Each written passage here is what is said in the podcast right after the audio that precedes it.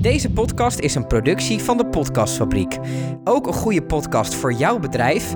Bekijk de mogelijkheden op podcast-fabriek.nl.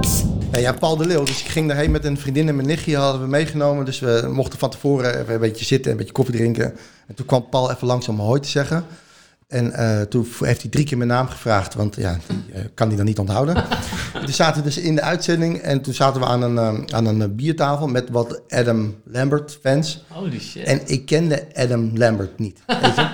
Hij heeft ook in Glee gespeeld, toch? Ja, weet ik veel, Nee, dat is echt zo'n Nee. eh, zo'n Ja, het is eh, best wel eh, een, eh, zo'n eh, zo'n voice eh, Ja, winnaar uit, uit eh, hoogte. of, ja. of eh, eh, hoe noem je het, X-Factor of zoiets. En eh, dus ik, ik, ik, ja, ik kende hem gewoon niet. Mhm. en dus, maar de hele studio zat vol met allemaal van die, van die, van die, van Van die, gillende, van die gillende meisjesfans. En eh, nou goed, begin, we krijgen het eh, item over bokbier. Dus Paul komt bij mij aan tafel zitten. En we beginnen een gesprekje. En eh, ik schenk een bok bier voor hem in. En ik zeg tegen hem, dan gaan we eerst even ruiken. En dan nemen we een klein slokje. En bij de tweede slok... En toen ging hij al met de dame naast hem praten over iets anders. En toen had ik zoiets weet je wel, ik, ik wist natuurlijk dat hij zo is. Ja. Weet je, dus, dus ik was er al helemaal op voorbereid. Dus ik zeg, nou, dan neem je één slokje. En hij at dat hele glas leeg. Oké. En, en ik zeg, en bij het tweede proever. slokje kun je goed proeven. Dus ik zal even nog eentje voor je inschenken. dus ik schenk een tweede voor hem in. Die geef ik hem. En toen moest hij proeven. En toen moest hij ook, ook luisteren. Ja. Toen moest hij En, wel. en toen eh, had de Adam Lambert zijn nummertje eh geplaybacked of gezongen. Eh Eén van de twee. Eén van de twee. En toen ging Paul daarna even op het podium even een babbeltje maken. En toen zei hij, eh, did you ever try a, a bokbier? En ik dacht, oh, dit is mijn eh, three, three seconds Ja, of fame. gewoon je moment. Van- inschenken. En ik storm gewoon eh, het podium op. ik geef Adam Lambert gewoon een bokbier. En ik zeg, eh, cheers man. En eh, nog even twee, drie ballen. En ik loop weg. En ik denk, oh, dit gaan ze eruit knippen en zo, weet je wel. Nee hoor, gewoon erin gebleven. Hoi, mijn naam is Koen Minema en ik ben gek op bier. De echte kenners op dit gebied zijn Itemar Vos en Dennis van Veen. Samen zij zijn de Biertenders. Een adviesbureau dat zich bezighoudt met het opstellen van bierkaarten, het verzorgen van proeverijen en het geven van horecatrainingen. We hebben hier aan tafel dus gewoon een BN'er zitten. Ja. Nou ja, in ieder Een, geval... een bier... in ieder geval in bierland echt, wel, echt wel een heel bekend persoon. Ja. Eh, en dat is zeg maar, wij, wij, wij hebben het wel eerder over bier aan tafel gehad. En En, over, over bier Arvid. en food, food pairing. We hebben, Arvid, we hebben het wel eens Ja. over Arvid gehad. Ehm, maar we hebben vandaag Arvid Bergström zitten. eh, te gast bij ons. Eh, en, en nou, Arvid heeft letterlijk het, boek geschreven, letterlijk het boek geschreven over bier aan tafel. Nou ja, eh, Arvid, Arvid geeft les bij het Stibon. Ja, En- het was eigenlijk een beetje gek, want ik, ik, ik deed zelf Stibon. Het zei een van mijn docenten, Arvid, je weet zoveel over bier, je weet zoveel over- over eten. Schrijf alsjeblieft een boek over bier en eten. En ik dacht, ik kom net kijken. Ik ben nog bezig met die bieropleiding. Wat, wa- wat zeg jij nou? Weet je, ik ben bezig met mijn rijbewijs en jij zegt, je kunt al heel goed autorijden. Ga even een paar rondjes om Parijs rijden, want je, je kunt zo goed. En toen dacht ik, nee, dat kan niet. En dit is een boek schrijf je voor, voor later, voor als je klaar bent met je carrière. Ik ben nog niet bijna dood, weet je. Mm. Dus eh, en toen dacht ik, nou ga eens kijken, wat, wat heb ik dan? Heb ik een lijst gemaakt met, met eh, combinaties tussen gerechtjes en bier. En toen had ik al een lijst van, van 80. Zo. En toen dacht ik, ja, maar een lijst is niet een boek. Nee. Dus dan moet ik even een concept bedenken. Dus toen heb ik 12 drie gangen menus verzonnen. Ik dacht toen, het is in 2015, iedereen drinkt al bier bij zijn eten. dus ik wil graag dat mensen ook bij het voorgerecht Ja. en het nagerecht bier gaan doen. Ja. Dus 12 drie gangen menus, nou, ja, 36 eh, gerechten. Eh, en tijdens mijn Stibon 2 opleiding hadden we een beetje de running gag. Eh, en dat kwam omdat dat als ze dan een, een- hadden we een bier geproefd en dan moesten we eh, iets daarbij roepen wat daarbij paste. Dus op een gegeven moment zei de, de docent: Arvid, als jij nou even je mond houdt, dan kunnen anderen ook even wat zeggen. Oké, dus ik hield mijn mond, maar dan word ik wel een beetje recalcitrant. En, eh, dus iedereen had wat gezegd en toen mocht ik zeggen. En toen zei ik: Ja, sperrips. Allemaal lachen. Ik zei: Ja, maar wacht even. Als je die en die marinade doet, die saus, die aflakt, dat past heel goed bij het bier. Nou, volgende bier. Totaal ander bier. Weer iedereen wil zeggen. Ik zeg: Ja, sperrips. en dan een andere marinade, een andere lak. weet je? En, toen, en toen werd het een beetje de running gag dat Ja. bij elk bier kun je wel ja, wel, precies. afhankelijk van eh, De marinade. de marinade en de lak. Ja. Dus ik dacht, dat moet ik ook in mijn boek doen. Dus, dus, die 12 drie gangen menus, eh 11 hebben er eh, vlees met bot. Oké. En de barbecue niet. Ja? Dat is een vega barbecue. Oké. Dus daar heb ik geen vlees bij. Grappig. En toen kwam dat boek uit en dat werd zo goed ontvangen. Toen werd ik ook gevraagd, wil je lesgeven bij Stibon? En toen dacht ik, ja fuck, heb ik een boek met allemaal mooie voorbeelden. Maar ik zeg niet wat ik doe qua food pairing. Mm. Dus toen dacht ik, nou dan moet ik het tweede boek schrijven, dus bier aan tafel. Dat zijn 53 eh, gerechten. En heb ik bij de meeste gerechten heb ik twee bieren. En dan heb ik dus een, eh, een eerste bier dat past bij het gerecht.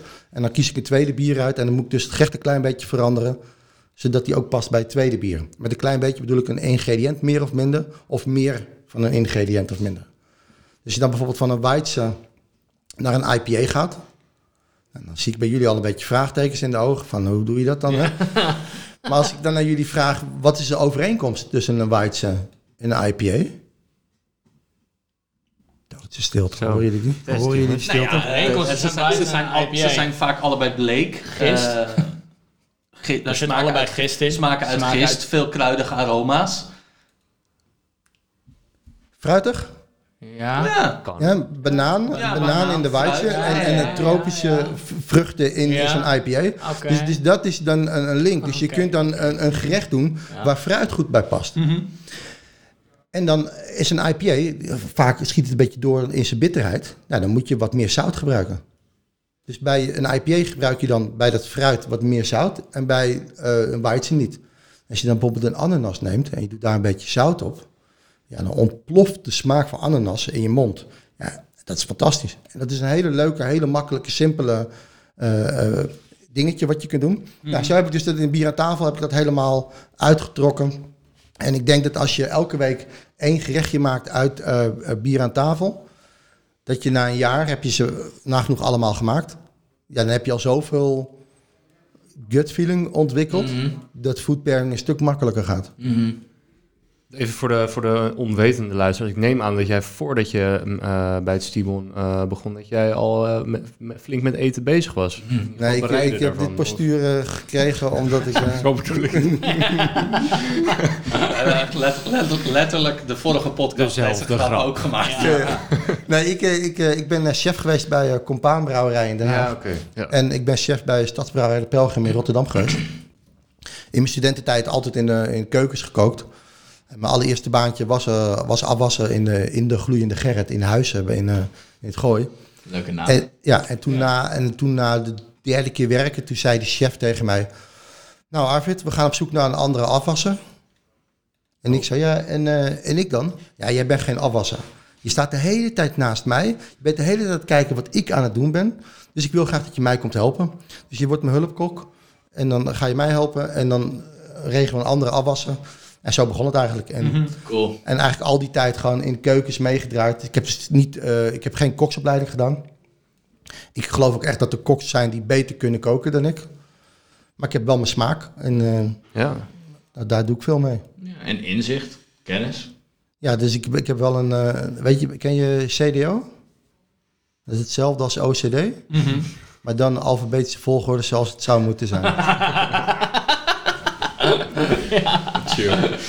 En, dat, en, dat, en dat is dus, dus dan, eh, weet je, je, alles wat ik proef, dat sla ik dan op. Dus dan, als je dus naar kruiden gaat kijken, dus kun je ja, naar warme kruiden, naar warme gedroogde kruiden of naar warme groene kruiden. En dus rozemarijn, tijm, eh, basilicum, dat zijn die warme groene. En is basilicum alweer wat koeler. Als je dan naar nootmuskaat en uh, foelie en cardamom gaat, dan krijg je dus die, die warmere, die beetje speculatiekruiden. En als je dat dus zo steeds kunt bedenken in, in die groepjes, dan kun je dat ook bij uh, je groenten kun je ook in dat soort dingen indelen. Dus je hebt herfstgroenten, zomersgroenten, lentegroentes. En, en volgens mij, als ik zoiets zeg, dan hebben jullie gelijk al gedachten. Ja. Direct. Ja, ja, direct. Ja. En, en dat kun je met bieren dus ook doen. Dus je zit al heel vaak goed als je uh, lentegroenten hebt met, met bieren die je in de lente zou willen drinken. Mm. Ja, zo gaat dat dus door. Mm Ja, dus je hebt eigenlijk gewoon een soort fotografisch geheugen voor... Uh, nou, dat wil ik ook weer niet zeggen. Het is meer dat, dat ik niet opgeef en dus constant doorga. Mm. En, uh, en, en, en doordat je doorgaat, uh, um, kun je heel makkelijk terugvallen in, in wat je eerder hebt gedaan. Mm -hmm. Maar ik geloof niet dat ik fotografisch ben. Maar eh, dus, het is meer dat je... Nou, je, je weet gewoon heel goed te linken wat bij wat. Ja, maar hoe vaker je dat doet, Des te makkelijker. makkelijker het gaat. Dus ik denk echt dat als je gewoon Als je dat jezelf voorneemt... eh, je wil wat, er wat meer van weten... en je neemt jezelf voor... nou, ik ga twee of drie keer in de week... ehm, iets verzinnen bij een bier... En, en begin anders twee keer in de week. Mhm. De, dan, dan na een maand zit je al op acht dingen. Ja, je gaat, je, het, het, het gaat gewoon makkelijk door. Het is helemaal niet moeilijk. Dat is ook de, de- de- het gesprek wat we eh, eh, net hadden eigenlijk, of in de vorige podcast ook. Zeg maar, zodra je biersommelier bent, dat, Het houdt niet op. je, bent, je, bent, Bent je staat dan pas aan het begin. Je, je, hebt dan, je hebt dan alleen zeg maar alle tools eh, om dat verder te kunnen ontwikkelen. Maar je hebt dat nog niet geontwikkeld. Nee, Dus je, je hebt je rijbewijs gehaald. ja, je hebt rijbewijs gehaald, maar je kan nog niet rijden. Nee, je, moet- je moet nog leren. Je moet, nog, eh, je moet gewoon nog eh 20.000 kilometer rijden... voor, voordat, je, Voordat je een goede chauffeur bent. ja, voordat je met de caravan op vakantie kunt. Daarom, ja. Dus dat is het. Dat is zeg maar, je moet dat blijven ontwikkelen. En eh, nou ja, als iemand dat, eh, dat gedaan heeft en het op papier heeft gezet, dan, eh, dan is dat Arvid. Ja. Ja. want je had het net over het eerste boek, maar je hebt er meerdere, toch? Ik heb nu net is mijn zesde boek uitgekomen. Dus Proefbier is de eerste, Bier aan tafel is de tweede. En daarna ben ik begonnen met een serie met kleine boekjes. Dus de eerste is Bier en oliebollen. Waarom bier en oliebollen? Eet je wel eens een oliebol? nee, ik heb diabetes. Ja, dat hoeft Ah, geen dat reden te zijn, maar... nee, maar nee, ik vind een oliebol vind ik gewoon, persoonlijk, ik vind het gewoon ja, een beetje een vette, vette hap. Ja, Ja. een bakje is er verkeerd. Ja, je- maar je- ik haal ze dan Eet je, maar eet je wel eens een goede oliebol? Ik denk dat ik gewoon nog nooit een goede oliebol Ja. heb. E- e- eet je wel eens tosti Ja, en pizza? ja. Nou, dat is hetzelfde als een oliebol. Ja, het is van, ja... is allebei van... eh, Brood, allebei brooddeeg. En het, nee, simpel gezegd, een oliebol is een van de mooiste dingen. Het is eh, vers gebakken brooddeeg, heel snel in hete olie. ja. Nou, in dat deeg zit vocht en vocht en olie kunnen niet eh, mengen. Dus als je een, een, een hompje vochtig deeg in hete olie gooit, dan schroeit de buitenkant direct dicht. Ja. En eh, hij, hij gaart in zijn eigen vocht. Hij stoomt gaar in zijn eigen vocht. Mhm. Dus hij bubbelt en dat is gewoon het vocht wat eruit komt. Eh, maar er gaat geen olie in je oliebol. Nee. En dan eh, moet je ook niet, je moet ook niet twintig tegelijk doen. Hè. Je moet gewoon wel zorgen dat er hitte in je frituur blijft. Dus in- als je een 5 liter hebt, ja, dan doe je 5, 6 oliebollen in één keer. Dan haal je ze eruit. En als je dus een oliebol plain maakt, dus zonder suiker door je deeg, ja, dan is het gewoon brood. En dan kun je hem dus openmaken en dan kun je er ham en kaas op leggen. Mhm. En dan heb je een oliebol ham kaas. Een tosti. Ja. maar je kunt het dus ook Chinese vijf kruiden en pompoen door doen. Of eh, paddenstoelen en peterselie. Of eh, balsamico eh, crème met een beetje eh, aardbei of aardbeienjam. Ja, dus ik heb er 70 verzonnen. 70 verschillende oliebollen. Ja, Met ook 70 verschillende bieren. Of, Eh, ja zelfs met meer. Dat, dat soms even testen welke goed zijn. ja. En die ook getest, hè. Dus op een balkon met drie frituren in de, wi- in de winter. Wel cool. Heb je, heb je ook wel eens oliebollenproeverijen gegeven en zo? Ja. Ja, ja? Ja, dat is echt eh, eh, is nog leuker dan je denkt. Ja, dat kan me goed voorstellen. Eén keer bij het ministerie eh, in Den Haag. Ik woon in Den Haag. En die, die mensen die, die kwamen binnen en die hadden echt zoiets van... oké, nu gaan we een beetje in november, Wie is die december. Ja. Wat gaan we nu doen? Oliebollen. We gaan we nu een anderhalf uur lang oliebollen eten. Maar dan had ik dus gewoon, eh, weet je, wel, dus, eh, met, met een beetje geitenkaas, een beetje honing erop. En had ik verschillende varianten. Dus met eh speculaaskruiden en, eh en cashews erdoor. En, Cool. en, en dan allemaal verschillende. Was ze blij? Ja, dat, wordt- dat is dan wel leuk. Dat is dan Het wel, is wel een verrassend effect. Ja, zeker. Ja. Ja. En het is, het is voor mij een hit in november. Ja, dan, dan is het, het is een zwarte eh, omslag met gouden letters. Dus Ja. het is perfect voor eh, de decembermaand. Helemaal, Ja. eh, ja, Sinterklaas en kerstproof natuurlijk. Ja. Nou, daarna heb ik dan bier en kaas en bier en aardappelen eh, geschreven. Bier en aardappelen is gewoon echt weer hardcore food pairing. En ehm, ja, we eten aardappel. We zijn aardappeleters. En ik hoor heel veel, vaak mensen zeggen van... Ja, ik eet helemaal niet zo vaak aardappel. Wanneer eet je wel aardappel dan? Ja, ik eet ze wel eens gekookt. Eet je ze wel eens gebakken dan? Jawel. En met een aardappelsalade? Ja, ook wel. En een patatje, ja. En, en chips, ja. Ah ja, nou, dan eet je wel zes keer in de week aardappel. Oh ja, oh ja. Dus mensen bedenken dat dan niet. En ja, bier en kaas, gewoon 15 kaasplateaus. En ik vind het altijd jammer als je één kaas hebt en één bier hebt. Eh, want dan heb je één combinatie. Ja. Maar als je twee kazen hebt en twee bieren, dan heb je vier combinaties. Ja. Als je drie kazen hebt en twee bieren, dan heb je al zes combinaties. Eh, dus ik heb ook een plank met eh, vier bieren en vijf kazen. Ja, dan kun je gewoon met z'n acht Ja. aan tafel. Ja. En dan ben je gewoon twee uur lang eh, ben je bezig. Ja. Eh, en dan van zo'n combinatie met vier en vijf zitten er twee combo's bij die niet zo goed zijn. Maar dat heb ik ook gewoon in het boekje gezet. Ja. En, eh, Transparant Maar ervaar het maar. Ja. ja. Ja. En het laatste boekje is dus nu net uit, Bier en Barbecue. Daar was ik al wel eh 2017 in gedachten mee begonnen. en de eerste brainstorms in eh, januari 2018 met Daan Hamoen, teamcaptain van de Rokende Reigers. Was in 2017 Nederlands kampioen brisket. Cool.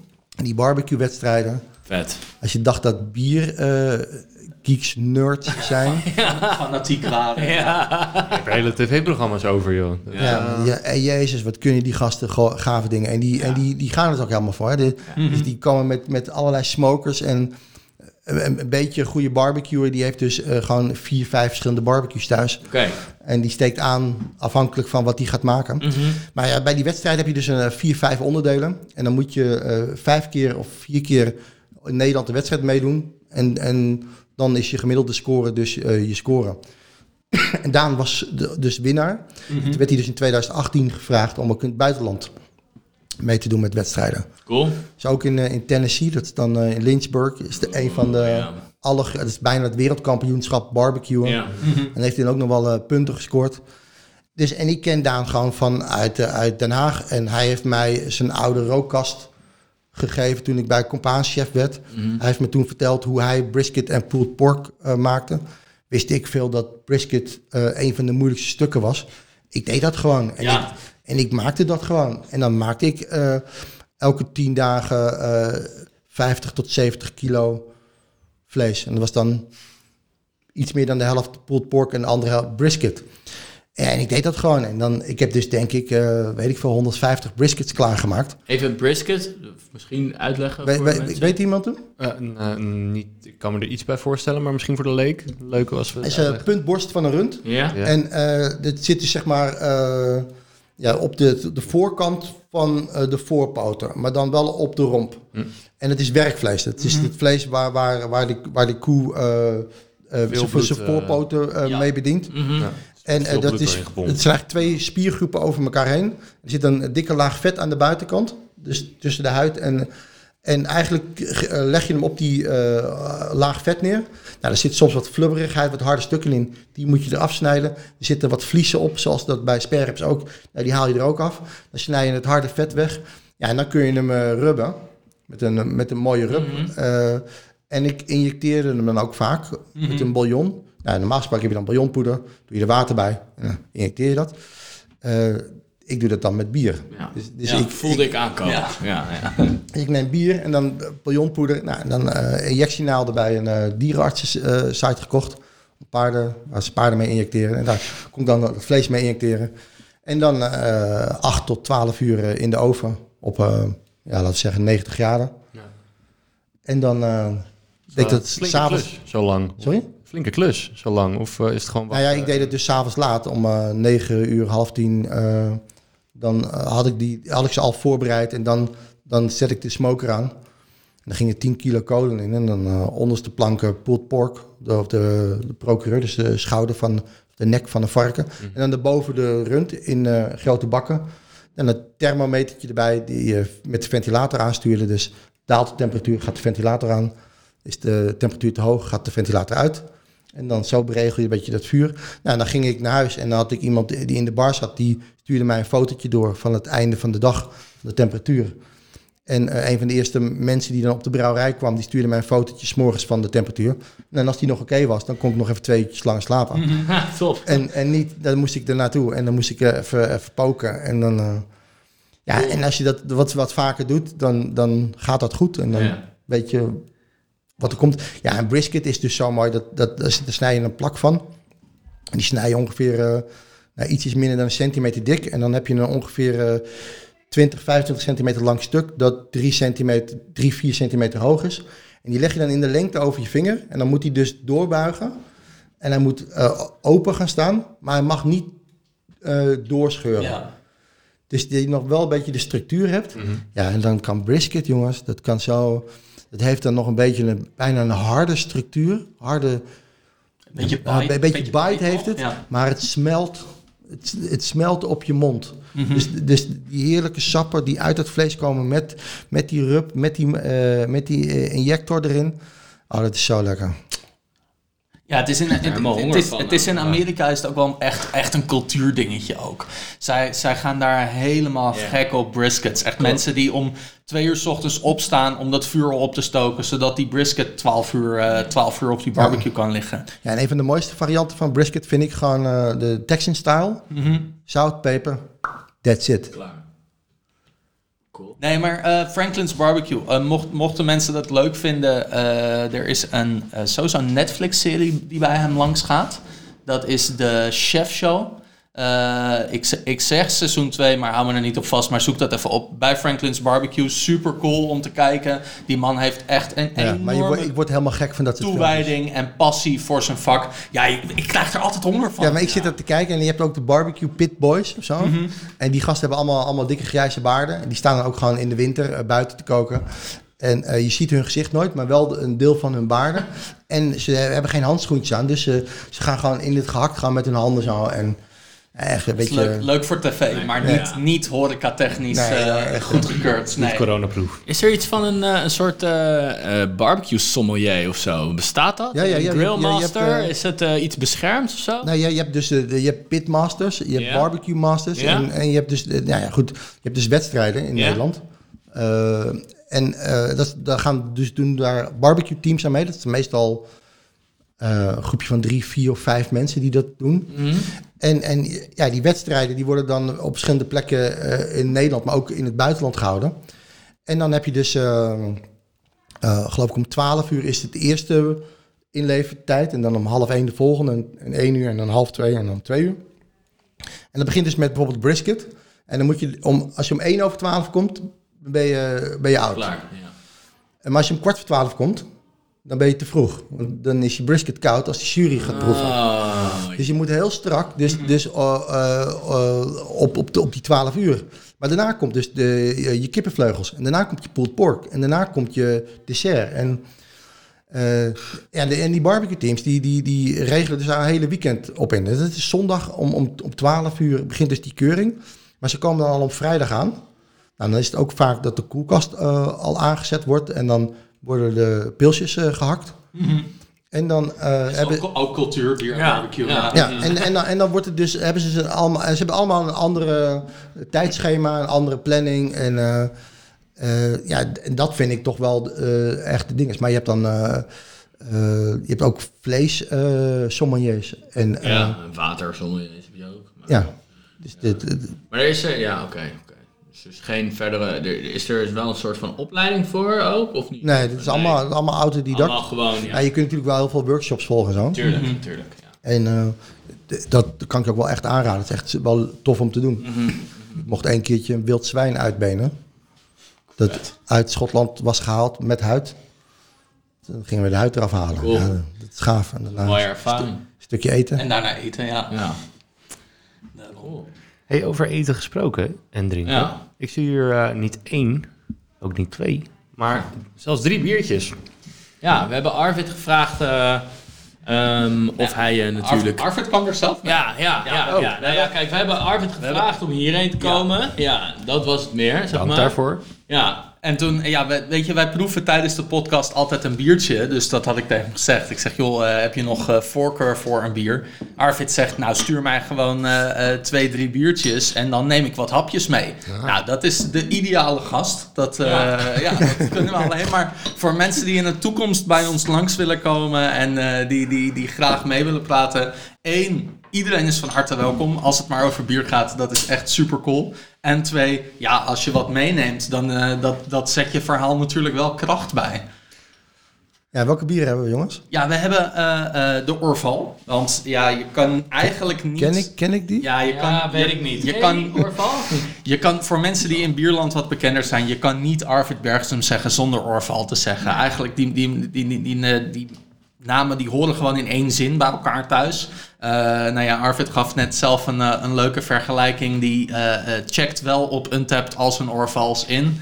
Eh, die heeft van als een Untapped vrienden, eh, eh, die hebben bij elkaar iets van 500 Orvals gedronken. Eh, en Arvid heeft er in zijn eentje ook al meer dan 500 gedronken. Dus Ik heb Arvid- net iets meer dan al mijn vrienden bij elkaar. ja. Heb je toevallig een tweede naam waar een L in zit? Of Nee, zo? nee, nee. want anders dan zouden alle, na, alle letters van Orval zouden in Ja, de naam zitten. ja, ja, ja. Dus dat is op zich sterker nog, ik heb helemaal geen elder. Nee, maar dit, dit Orval is zo ontzettend mooi. En eh, ik, ik kan daar eh, redelijk lang over praten. Eh, maar heel simpel gezegd, als ik even mag. Eh, hij heeft drie gisten. Twee Saccharomyces gist, één Brettanomyces. Saccharomyces is standaard bovengist. Die gaan eigenlijk een wedstrijdje doen en die eten alle makkelijke suikers op. En als je twee gisten in een, in een bord gooit, is er één van die twee die wint. Eén van de twee is degene die de meeste cellen voor, voor produceert. Dan zijn alle makkelijke suikers, alle glucose, fructose, sommige maltose zijn opgegeten. Nou, dan komt die bredgist erbij, dat is een wilde gist. Dat is veel sterker, heeft ook meer tijd nodig, echt een, echt een diesel. En die gaat dan ook die moeilijke suikers opeten. Maar daar heeft die, kan hij rustig 10, 11 maanden over doen, voordat die bredgist klaar is met al die suikers opeten. Het mooie dus van Orval is dat als je een Orval van 8 weken proeft, een Orval van 12 weken en een Orval van 16 weken, dan proef je Het verschil. ja, ieder- maar iedereen proeft dat verschil. Als ik dus ook iemand die wel bier drinkt, maar geen kenner is, als ik die het verschil, als ik die een orval van 8 weken en 14 weken geef en ik, en ik zeg wat het verschil is, dan proef je dat. Het mooie is ook nog, hij is gedraaihopt. Dus die eerste drie, vier maanden eh, neemt die draaihopping smaak langzaam af. Die draaihopping heeft ook een functie. Hè, dat is dus eh, antiseptische werking, dat bacteriën doodt. En ik denk dat dat eh, eh, goed is voor de bredgist, zodat de bredgist meer tijd gegund wordt. En ik denk zelfs dat Orval een oude stijl Engelse IPA is. Dat, dat 200, 250, 300 jaar geleden dronken de Engelsen dus al IPA's. Ehm, sommige ports werden ook opgelegd. Nou ja, opleggen doe je alleen maar in die tijd als je je bret de tijd wil geven. Ja. Je, als je, ze kwamen erachter dus dat, dat het soms niet lukte. Maar als je extra hop toevoegt, dat het dan wel lukte. Dus, dus die extra hop in een IPA is misschien wel vanwege de pretgist.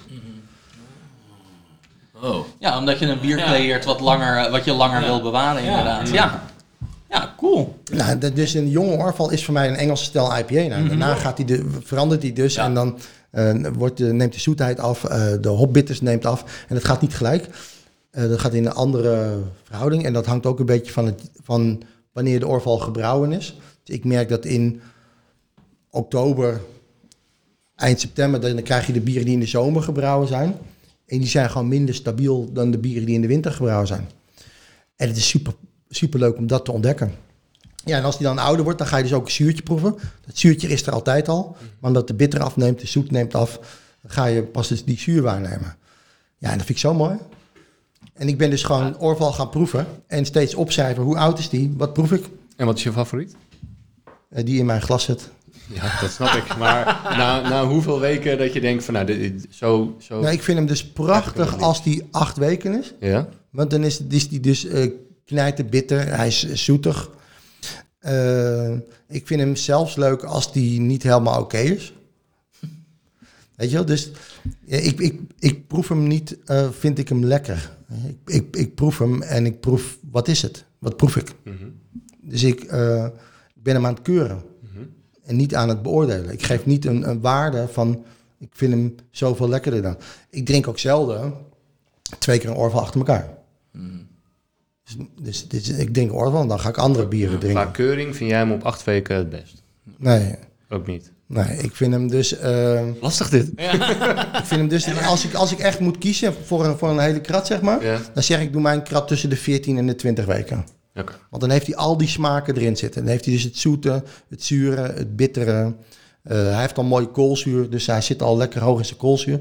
En hoe meer suikers erop gaan, hoe meer koolzuur er komt, hoe meer alcohol er komt. En wat... Sorry. En deze is nu acht maanden, acht en een halve maand. Dat is van 6 november Ja. 2019. En dat zie je dus ook aan het schuim al. Dus het schuim is niet recht. Nee. Zie je dat? Het schuim is een beetje een, eh, een soort bergheuvel landschap. Eh, dus eh, dat is het leuke van een orval die ouder is dan vijf maanden. Daar wordt het, is het schuim al een beetje eh, sneeuwachtig van. En wat is de oudste orval die je ooit hebt gedronken? Ik heb eh, orval geproefd uit de 89 en 93, 96. En dat was in eind 2018 of begin 2019. En hoe was dat? En die 89 en 93 die waren niet te drinken. Die waren geoxideerd. En, maar die van 96, ja, die was briljant. En dan eh, daarna acht- eh, t- 98 en 2001, 2003, die waren er ook niet. Dus ja, je weet het niet. Je weet niet. Het is het, is het schoolvoorbeeld van eh, eh, dat bier een levend product blijft. Eh, eh, en en dit, is, dit is zeg maar echt een, een goed voorbeeld van het levend product, omdat ze die navergisting op fles doen met een wilde gist. En omdat inderdaad die smaakverandering er zo enorm in zit. We hebben het volgens mij wel eens eerder eh, benoemd in de podcast.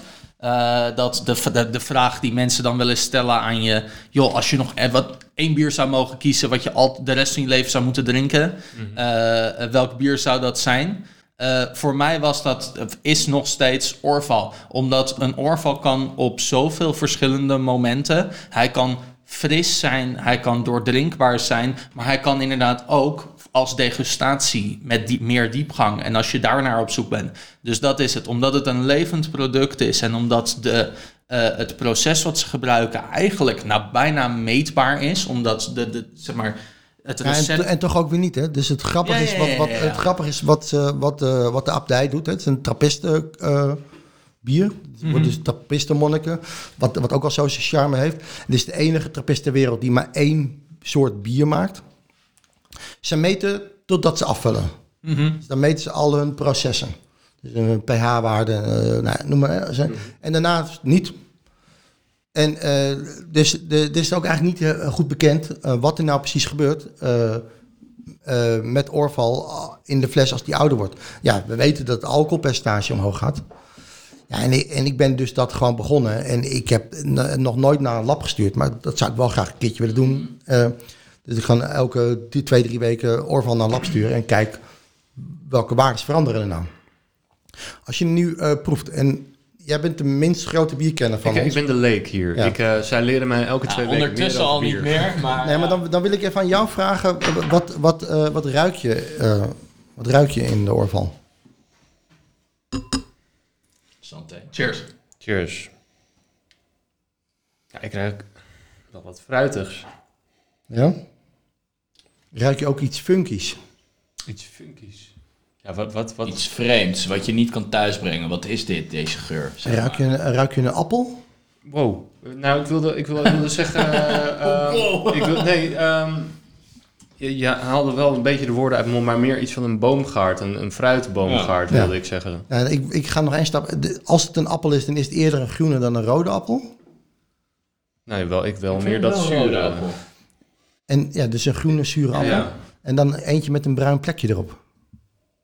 Nou, die had ik er nog Dat niet is, dat, is, dat is dan die boomgaard die je noemt. Hè? Dus op ja, het of het moment... steeltje, een beetje dat houten. Ja, dus op het moment dat je op een boom gaat, dan liggen daar ook een paar Ja, appels op de grond. van die ja. valappels. Ja. Mhm. En die, dus dat is een beetje, dat is dat, die, die funky, Ja. die, die- dat is die gist. Ja, voor mij is het wel echt wel meer rode appel, omdat ik vind dat het rode appel wat aardser is, zeg maar. En Oh ja, dat snap ik. ja, ja. Dat snap ik, dat is ook de leeftijd. Ja, dus, dus deze is nu, nu, nu eh, negen maanden. Eh, ik heb ook wel iets eh, alsof je een houten vat ruikt. Als je dus door een zaal loopt waar eh, bieren in houten vaten liggen te rijpen, wat je dan ruikt. Klein beetje vanille ruik ik ook wel. Ja. En ruik je die ook dat die wat kruiden, eh, Ja. wat kruidig heeft? Zeker.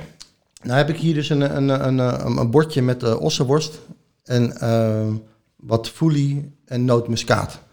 Nou is, is dit de nootmuskaat, dit is de foelie. En de foelie is zeg maar de jasjes die om de nootmuskaat heen zitten. Nou, ehm, misschien dat het handigst is als we heel even hier aan ruiken. Als je nou even aan de nootmuskaat wil ruiken, en zeg dan eens wat je ruikt. En als jij aan de foelie wil ruiken. Ja, nootmuskaat. Ja, ik ruik echt enorm veel aardtonen. Ja. Gewoon echt, echt Maar ik- dit, warm. is, dit is echt zo'n mooi dingetje dat het bij Beetje, de, beetje ook eh, eh, appeltaart. ja, ja. Fair eh, enough. of Ja. kaneel of zo. eh. Nou, Nee, ruik ook wel- ik, ha- ik ruik haast iets melkachtigs of zo. Ja. Weet je wel, gewoon echt... Maar ik vind het wel leuk, want ik, ik, dit is de, voor mij een leuke pairing bij, Zo. bij Orval. Ja. De, wa- de wat? De ossenworst met nootmuskaat Oh, zo. en foelie. Dus ik wil voorstellen dat we die nu ook gaan proeven. Cool, ja. Dus ja. dat we eerst Idee. even nog een slokje van het bier nemen. Ja? De nootmuskaat is voor mij, de nootmuskaat is voor mij iets peperiger. Mhm. En de foelie gaat echt meer een beetje richting dat, dat lichte houttoontje. Zeg maar een beetje... En de foodie is wat warmer. Ja, En, en de nootmuskaat is wat, is wat, wat, harder. Wat harder, wat scherper, ja. Maar ik zou zeggen, eh, pak een plakje. De kruiden, de... En, Ja, eh, sorry, en, sorry. en eh, pak een plakje en, en doop hem een klein beetje in eh, de nootmuskaat. Dus Ja. in, in de fijne poeder. Ja. En dan bij de volgende ronde doen we dat met de foodie. Ja. Maar de foodie is niet heel fijn, dus dat moeten we even goed op gaan kouwen. ja. Leuk hè? Ja, mooi. Altijd leuk. Dus daarom, als, als, als er meer gasten willen komen, neem, neem iets mee. Dat zet je verhaal wel echt kracht bij. Ja, en dan als je dus een, een, een hapje van de ossenworst met de, met de nootmuskaat hebt genomen, neem dan ook een slokje van het bier erbij in je mond. Dus het, bij, bij food pairing, als je dat wilt testen, dan moet je dat gewoon tegelijkertijd ehm, nemen. We hebben dit wel eens eerder behandeld, maar hoe, bela- geproefd. hoe belangrijk is temperatuur voor jou bij food pairings? Ja, heel belangrijk. Het bier moet vooral niet te koud zijn. Het, het dingetje is wel, als bier eh, warmer wordt, dan verdwijnt de koolzuur sneller. En koolzuur is een zuur, dus bier wordt zoeter. Dus ehm, wil, je, wil, je, wil je testen, wil je testen of iets goed is, dan moet je dus tegelijk in je mond nemen.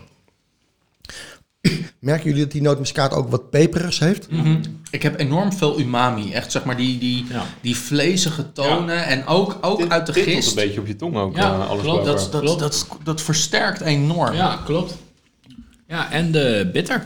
Ja. De bitter blijft achter. Ja.